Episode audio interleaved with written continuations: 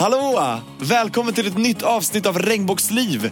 Det är torsdag och då är det dags för en ny gäst här i podden. Och det är inte vem som helst. I 25 års tid har han varit en av Sveriges mest älskade artister. Och han har deltagit i Melodifestivalen hela åtta gånger hittills. Och dessutom nyss fyllt år. Så grattis i efterskott säger vi till Magnus Carlsson som kommer att prata med oss här nu om hur det var att komma ut för honom i offentligheten. Och hur det är med han och hans man Mats som har varit gifta i 11 år. Och allt mellan regnbåge och jord. Så eh, då är det dags för mig och Anton att välkomna in Magnus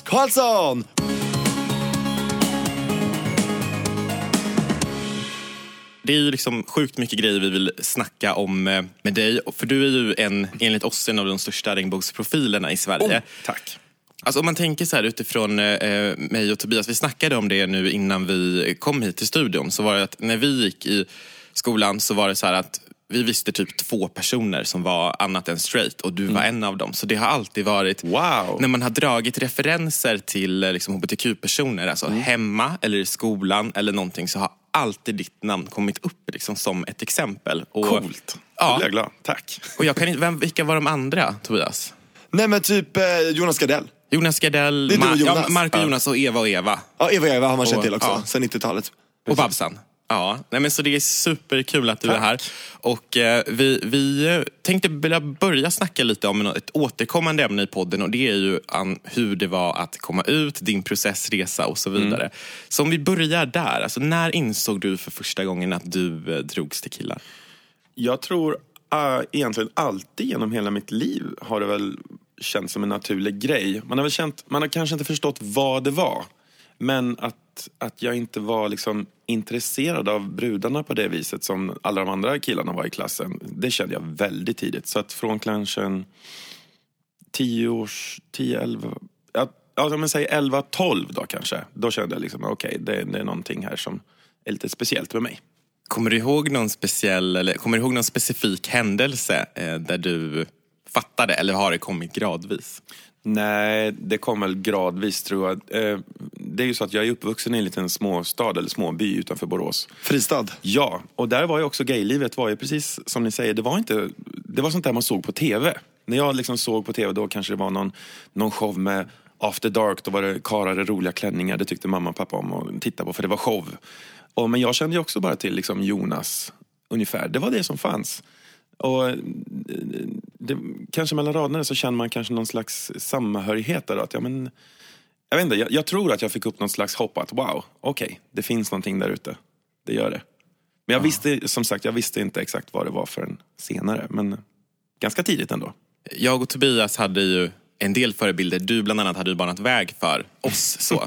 Och, nej, men det är sant, det är helt sant faktiskt. Och, eh, men, men för dig då, som du sa, du hade ju liksom ännu mindre förebilder. Den, den bilden jag hade det var ju liksom showbiz gay-livet. Och jag kände att jag är väl kanske inte liksom... Ja, de får väl göra om de vill, men jag vill inte springa runt i klänning. Liksom, eller, eller, eller underhålla folk med, med humor. Det var liksom inte min grej. Sådär. Så jag hade inget riktigt att relatera till. Så att, det ska man inte sticka under stol med. Man försökte ju passa in i Svensson-livet om man säger så. Liksom det här med, med tjejer och ba, ba, ba, allt sådär. Jag hade svårt att få in mig själv i, i det här med radhus, hundbil, giftlivet. Det hade jag. Jag kände väl liksom att det här får ta den tid det tar och jag kommer ju hitta mig själv framöver. Eh, mitt, eh, mitt lilla försvarstal där det är att eh, jag började sjunga väldigt tidigt. Väldigt tidigt. Och höll på med musik. Så att jag hade liksom inte så mycket eh, privatliv eller du vet sådär, eh, var ute och dra tjejer i flätorna om vi säger så. Liksom, det livet hade inte jag utan jag var ute och sjöng och jobbade. Både i, på scen och i kyrkan till exempel och sådär. Så att eh, när folk frågade, ja men har du ingen flickvän då? Då var alltid, nej men du vet jag har så mycket att göra. Jag hinner inte. Den körde jag jättelänge. Så så var det. Jag fattar. Hur länge då ungefär? Den höll jag på med ganska mycket eh, fram till jag började i gymnasiet skulle jag kunna tänka mig. Så Då- mitt i puberteten, 15-16. Ja, precis. För då bytte jag stad. Och då kände jag någonstans inom mig, då hade jag liksom kommit till den punkten att nu, nu måste jag få liksom vara mig själv här, det är mitt liv. Så att jag flyttade ifrån eh, Fristad, eller Borås då, så att säga, till Göteborg där jag då läste på musikgymnasiet. Och kommer man till en större stad så är det liksom, där finns i mångfalden mycket mer utfacetterad. Och det var lättare att bli anonym och gå tillbaka, skaffa sig sin egen lilla lägenhet och plötsligt då bli Magnus som, jaha, råkar vara gay. Jag hade två liv kan man säga. Jag hade ju ett eh, eh normala Magnus-livet eh, hemma i Borås, eh, holken där. Men så hade jag liksom mitt, mitt eh, gay-Magnus i Göteborg. Ett tag. Det gick ett tag, sen så kraschade det. Men eh, då, då fick jag liksom bestämma vad ska jag köra. Och då, då, då valde jag såklart vara mig själv. Okej, och, och när det kraschade, var, det, var, du- var du färdig med gymnasiet då? Eller? Det var under gymnasietiden var det faktiskt. Och under det som komma skulle i högskolan där också. Eh, eh, nej men det var ju så här, alltså jag jobbade, och det, det small till också med, när jag som artist så jobbade i Barbados. Och det är dansbandssvängen och den, är, den var i alla fall väldigt konservativ. Att det, det var eh, karar som flörtade med damerna på golvet och det var allt det där. Och jag funkar ju inte där, det var ju bara att inse. Men vi skulle ju lanseras som ett, eh, ett modernt boyband-dansband med mig längst fram. Så den bilden var ju lite skev. Så att utåt till fansen och de som köpte plattorna så var det ju liksom jag skulle inte säga en steril, men det, det var ju liksom en, en Ja, det var en ung kille i mitten där. Men sen när jag kom hem, då hade jag ju pojkvän och allting i lägenheten i Göteborg. Så att jag hade ju en rejäl krock där liksom, med mitt artistliv och mitt privata liv. Så flickidolen och sen eh, pojkvännen? Yes, ja. och där var det krocken var ju där. Så att snacket började ju gå i turnébussarna. För det räcker att någon ser mig någonstans liksom, så börjar snacket gå. Med din kille då? Ja, eller, vem- ja precis. Eller sådär. Eh, så där har vi krocken. Så, men, men till slut så hade det gått så pass långt att eh, år 2000 var vi med i, Bar- i Melodifestivalen med Barbados, Se mig. Och där hade allting blivit så stort runt oss. Vi hade haft en, en tv-show, höll jag på att säga, Barbados på Barbados. det. och jättemånga turnéer och plattor och grammis och allt det där. Och då, då kände vi att det här går ju inte, jag måste liksom ta tag i det här. Jag var livrädd, det var jag faktiskt. Men eh, jag sa, nu får du bära brista, jag skiter i det här. Kan inte folk ta mig som jag är, då, då får det vara så. Och så gjorde vi en grej av det istället. Ja, och hur regisserades den här grejen? Hur var din eh, offentliga komma ut-process där? Den var lite häftig, för att istället för att gå eh, snackisvägen i tidningarna sju varv så sa vi, nej men då gör vi så här, vi tar en ordentlig, vi gör en, en komma ut-intervju i en tidning som heter Zon, som var en riktigt flashig historia med snygga bilder. Elisabeth Olsson Wallin tog dem. Lite halvknäppa bilder, lite roliga. Jag, jag gick omkring halvnaken i en eh, björn outfit och det var, det var allt möjligt sådär. Men allting som krockade med bilden av mig som dansbandsidol då så att säga. Så ju roligare bilder vi tog desto knäppare blev det. Och så gjorde vi en jättebra intervju där jag då fick berätta om allt det här. Och sen så kom det ut. Det var precis efter Se mig tror jag. Och sen eh, hakade tidningarna på. Men då var, då var det ändå citaten ifrån min första intervju där jag själv hade bestämt vad som skulle komma ut. Så att jag kom ut på ett jäkligt skönt sätt. Så att rubriken blev Ja, jag är gay än sen? Frågetecken.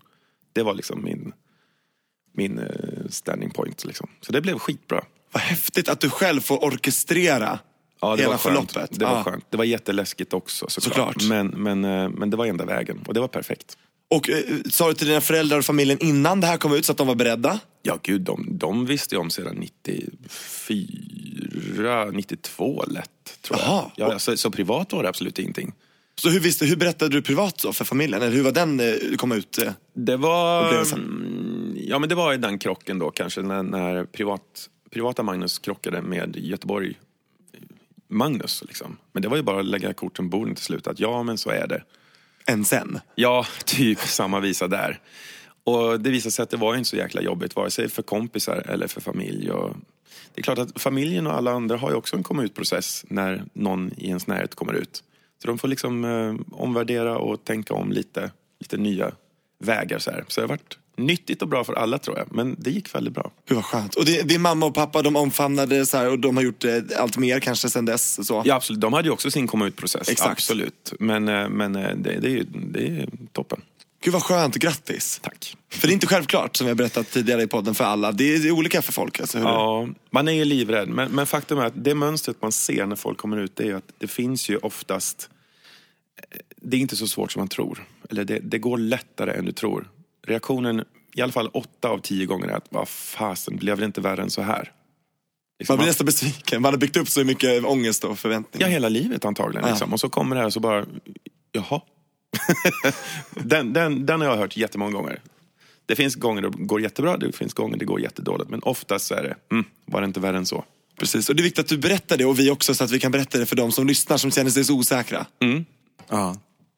Men hur skulle du beskriva alltså, hbtq-communityt i Sverige när du kom ut? Jag tänker till exempel på uteliv, eh, communityt också. Alltså, hur var det att vara offentlig eh, bög i början av 2000-talet? Det var ganska coolt sådär. Alltså grejen var att jag hade ju gått ut på klubbar i Göteborg många år innan jag kom ut. Så i Göteborg till exempel, där jag bodde då, så var det inget konstigt alls. Liksom, utan det, det var mer... Det var väl mer den twisten att just då lossnade för, för karriären. Så att jag fick ju, förutom att jag kom ut, så hade jag ju en jätteboost med Barbados som kom hem och se mig, som slog då. Så jag fick liksom, jag blev liksom kändis-gay. Jag, jag fick två epitet samtidigt där. Så jag vet inte vad som är vad. Men, men det är klart att det rullades ut mattor och det var ju väldigt spännande plötsligt. Men det måste jag säga att, att det bästa, bästa betyget eller priset jag fått av det där komma ut-processen, det är att jag fortfarande i, i denna dag liksom får både mail och folk som eh, haffar mig på spelningar och berättar antingen att de har använt mig som referens till när de själva har kommit ut eh, till sina föräldrar till exempel. Ja men titta på Magnus, han är ju gay och sådana saker. Eller andra varianten, att det är föräldrar som, som kommer att prata med mig att deras eh, son eller dotter då kommer ut och använder mig som referens. Det är det bästa betyget, det gör mig jätteglad. Och på tal om föräldrar Magnus, jag måste bara säga det. Våra föräldrar och andras föräldrar när vi har frågat om det. De är alltid såhär, åh men Magnus han är ju så härlig. du, vet, så här, du har ju sån otrolig genomslagskraft. Alla föräldrar, och framför- framförallt mammor, älskar ju dig. Och farmor, vad sa din farmor Min Tobias? farmor, ja, du, det här får du ta som du vill, men hon bara, åh Magnus Karlsson, han är fantastisk, synd att han är gay. Synd att han ja, är ja, gay. hon sa Ja. synd, men det får du ta hur du vill, men jag tror hon menar det på ett bra sätt. Okej, tack. Ja, hon menar ju, Gerd, din farmor, menade ju då att... eh, Att ja, hon tyckte jättemycket om dig och tycker, det pirrar kanske till lite i henne när hon ser det. Vet inte, nu kan inte jag svara för Gerd, farmor hör av Nu dig. får jag bilder. Nu får jag bilder, 80 år. Oh. Nej, men jag tror att det bara är kärlek. Förstår du? Har- Det måste Ja. du ha fått höra innan. Så här. Jag får jättemycket sånt och det gör mig lika glad varje gång. För att då, då gjorde mina år där i garderoben en skillnad liksom. Och jag har kunnat använda dem på ett bra sätt. Det, det gör mig skitglad. Det är det bästa jag har åstadkommit. Wow. Jag måste också fråga, wow, så har vi. Synkat, Men Jag är wow. så imponerad av det här. Jag tycker det är så fint att, folk, eh, att, det, att det blev så bra. Vad är din relation till Pride? Stockholms Pride, eller överhuvudtaget. Jag tycker att det är jätteroligt att det poppar upp Pride i hela Sverige och hela världen. Det tycker jag är häftigt. Så jag, jag har ju giggat och jag giggar väldigt mycket på Pride. Just Pride i Stockholm har jag faktiskt lett tillsammans med Annika Lantz. Det var 2000 eller 2001 någonstans där. Det var precis när jag hade kommit ut. Eh, Så att eh, Stockholm Pride har jag en lite speciell relation med sådär. Jag har uppträtt flera gånger. Och vi vill gärna se det där igen. Det vore lite kul. Det vore lite roligt. Jag har inte varit på Pride på ett tag. Eh, Det är ju mitt i sommaren och då har jag som mest jobb så att jag måste kolla. Faktiskt. Vi håller våra tummar. Ja, jag också. Cliffhanger på den. Ja. Pride hör av. Anton, du är lite insyltad i Pride. Ja, jag hade varit li- lite tidigare och eh, Mm. nu är jag lite insyltad i Kiruna Pride för jag kommer ju därifrån. Det ja men du ser. kul Är, är, det- är det ny, ny Pride också det här? Ja, den kom för några år sedan, nu vågar jag Ja. inte säga exakt. Men eh, det vore ju skitkul att ha dig i Kiruna nästa år. Det tycker jag vi ska... Magnus. Jag blir så här, har inte jag varit där i Kiruna? Det är, någonstans, det är, det är jättemycket Pride uppåt. Det är Ja. skithäftigt. Och jag har varit på flera av dem, så jag kan ha varit där. Vi får kolla det. Ja, Hallå, jättebra. Krossa fördomar. ja det tycker jag. Toppen. Ja. Du och din man Mats Karlsson. Tidigare Pelly. Men nu är Karlsson. Ja. Ni har varit gifta sen, eh, visst är det 11 år? 2006 ja, precis. 2006. Den, var det 29 januari? Ja, Det är det? det, står, det står på Wikipedia. Ja, det är bra. Det är bra. 29 Det januari. Ja, det var, eh, de två eller tre första åren så var det kallat fortfarande partnerskap. Mm. Sen gjordes det om då till äktenskap, att man är gift och så att säga på riktigt. Eller Just det. Ja, så. Men, men just då var det partnerskap. Så ni var snabba där, boom, så fort. eh. Och eh, hur, hur, var, hur var bröllopet då? Det var häftigt. Det var, vi hade faktiskt värsta problemet för vi satt och gjorde en jättelista på folk som vi ville ha som gäster. Ja men ska vi ha den så ska vi ha den och sen vill du ha den och jag ska den. Det Åh, vad jobbigt. hur mycket som helst. Så vi sa att det här kommer ju barka åt helskotta. Så att vi gjorde tvärtom. Vi gjorde en, en eh, vi mörkade alltihop. Det var bara vi och vittnen och Mona Sahlin som vigde oss.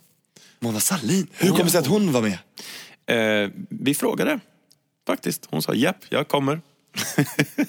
Fast hon var lite skön för att eh, grejen var att den är ganska kort den borgerliga vigselceremonin. Sådär. Så vi sa att du får jättegärna brodera ut den lite.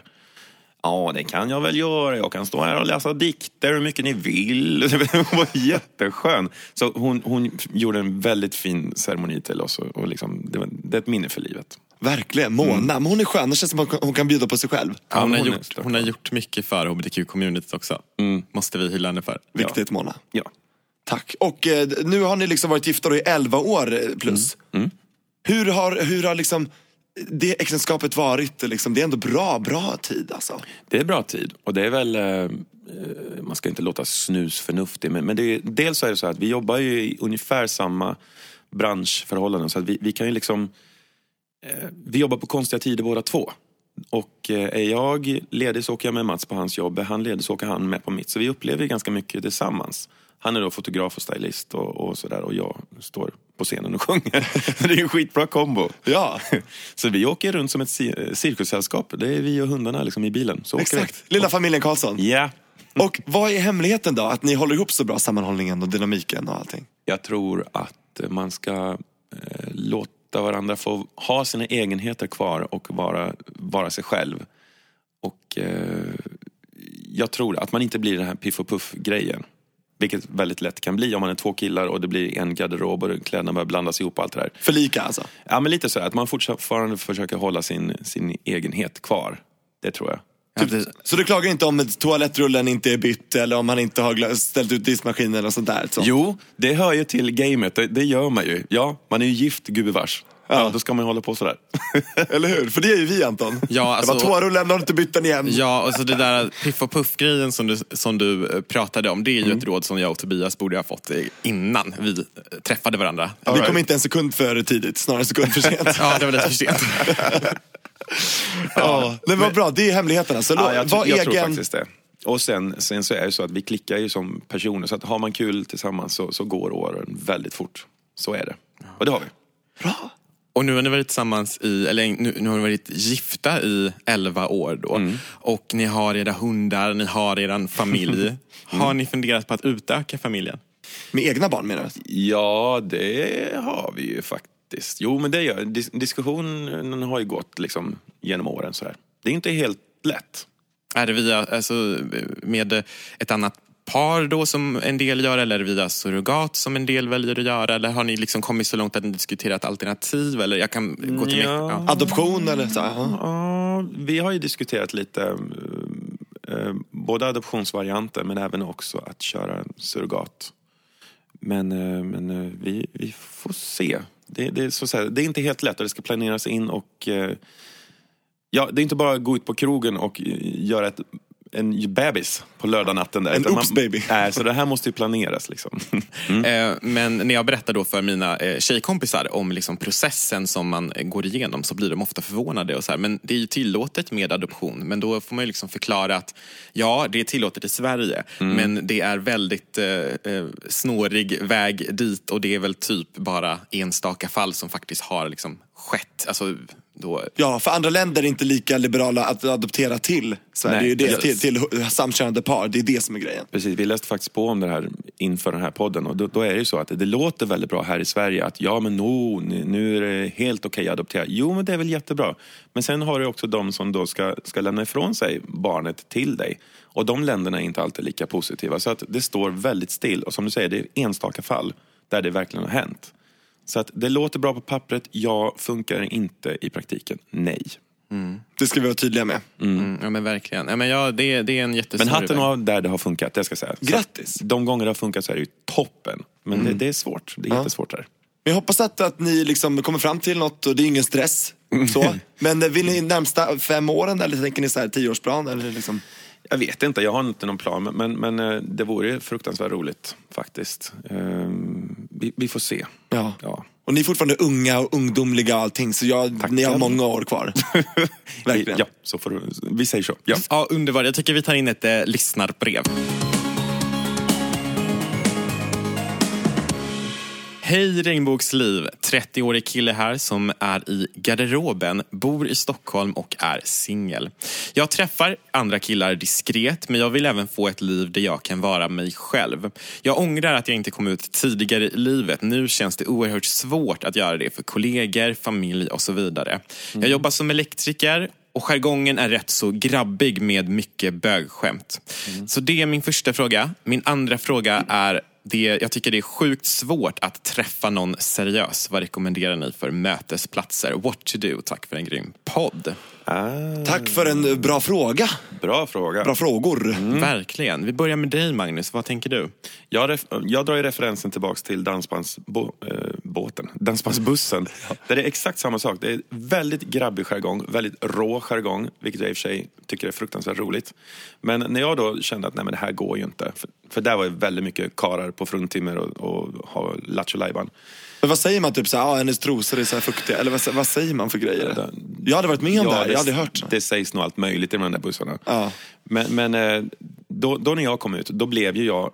Det jag upptäckte var att de här machokararna, de, de såg ju väldigt kvickt att när jag kom ut så blev jag liksom tjejernas kompis. Tjejerna samlas runt en, en gaykille och vi har ju jävligt roligt tillsammans för vi har ju liksom liknande intressen. Karar, ja men du vet sådär.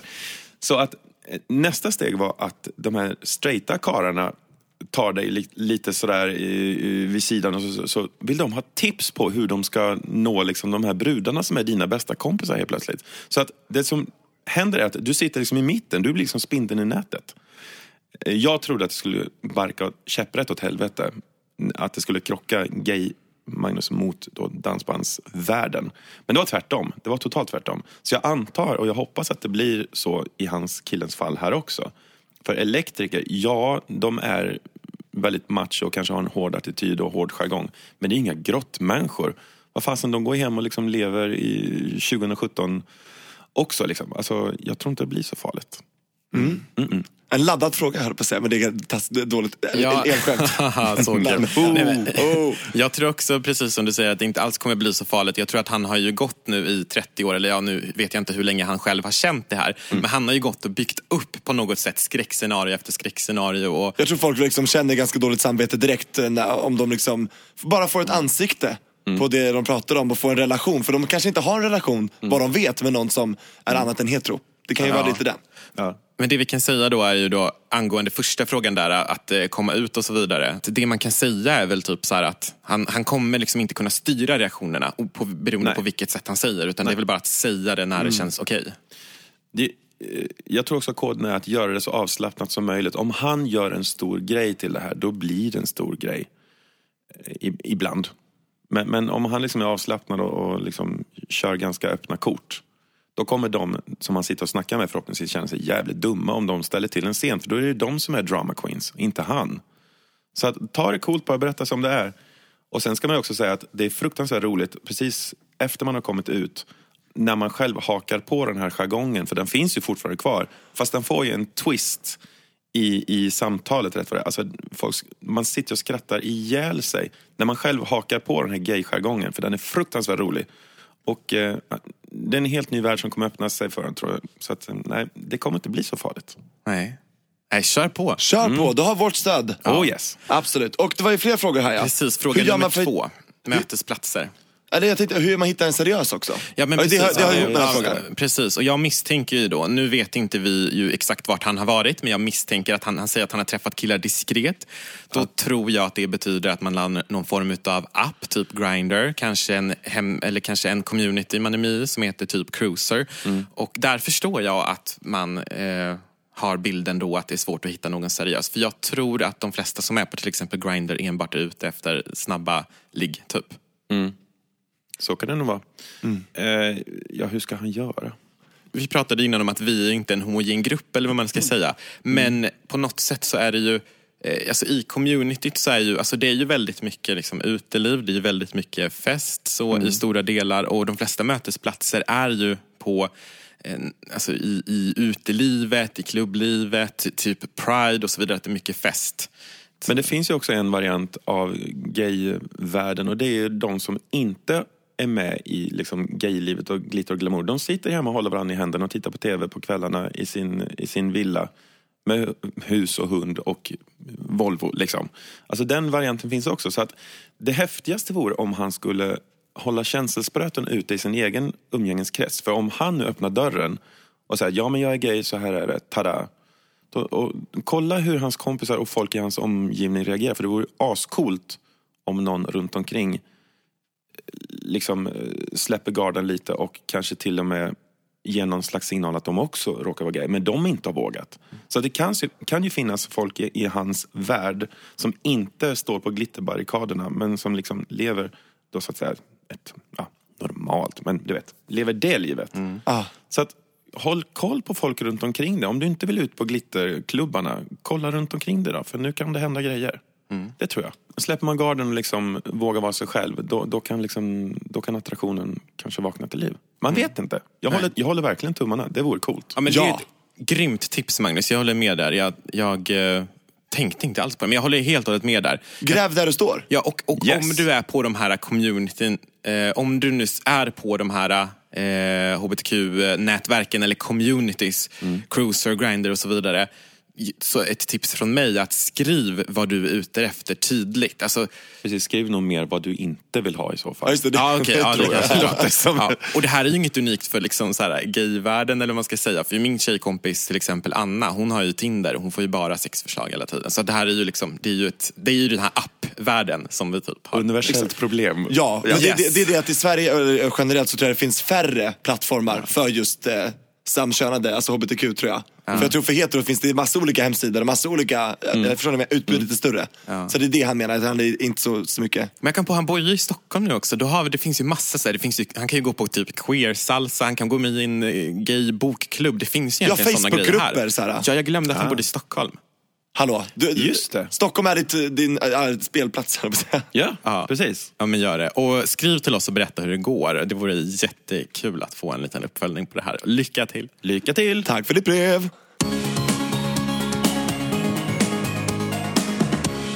Ja, Magnus, det har varit så himla kul att ha med dig här i Regnbågsliv idag. Tack för att jag fick komma. Det var jätteroligt. Vad har du på gång framöver? Hörru du, jag är mitt uppe i sommaren och jag, jag har en ny låt som jag har släppt som heter Sommarnatt. Spelar vi på svensk pop bland annat? I know, I know. Yes. Och eh, det har lossnat något vansinnigt för den på radio, både här och utomlands. Så den, den, eh, den har mitt fokus just nu. Och eh, ja, sommaren innebär extremt mycket jobb. Det är väldigt mycket allsånger, stadsfestivaler, eh, gig överhuvudtaget. Så, så jag har fullt upp. I love it. Yes. Hinner du, eh, för jag vet att du och Mats, din man, ni har haft lite semester inför det här, innan, så ni passar på då.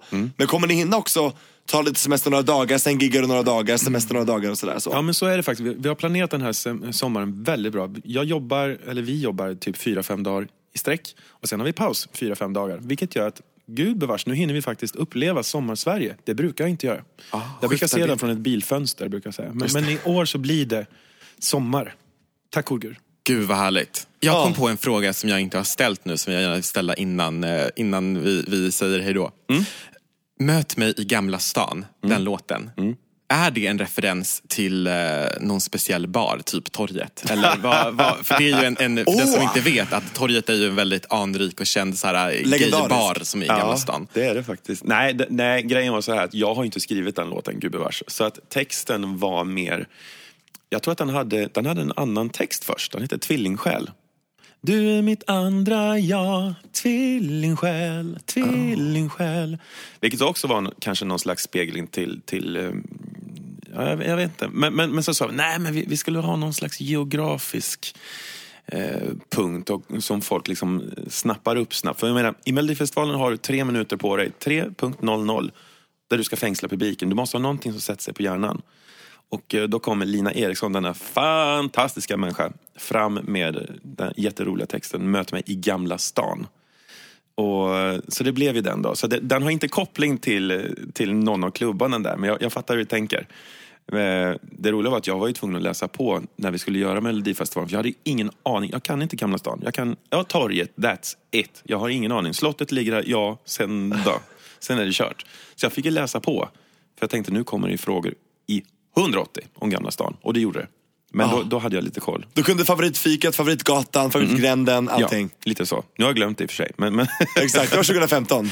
Nu 2017, sommarnatt. Mm. Nu kör vi. Hoppas att det blir härliga sommarnätter ute i Sverige. Ja, det hoppas jag med. Ja, och du är varmt välkommen tillbaka till Regnbågsliv. Jag kommer på start. Fantastiskt. 23 minuter härifrån vet du. och Magnus Karlsson, lycka till och tusen tack. Och tack för allt du har gjort och allt du gör. Tack så jättemycket. Ha en jättebra nu. Glad sommar! Ja, reppa regnbågen, happy pride och så vidare.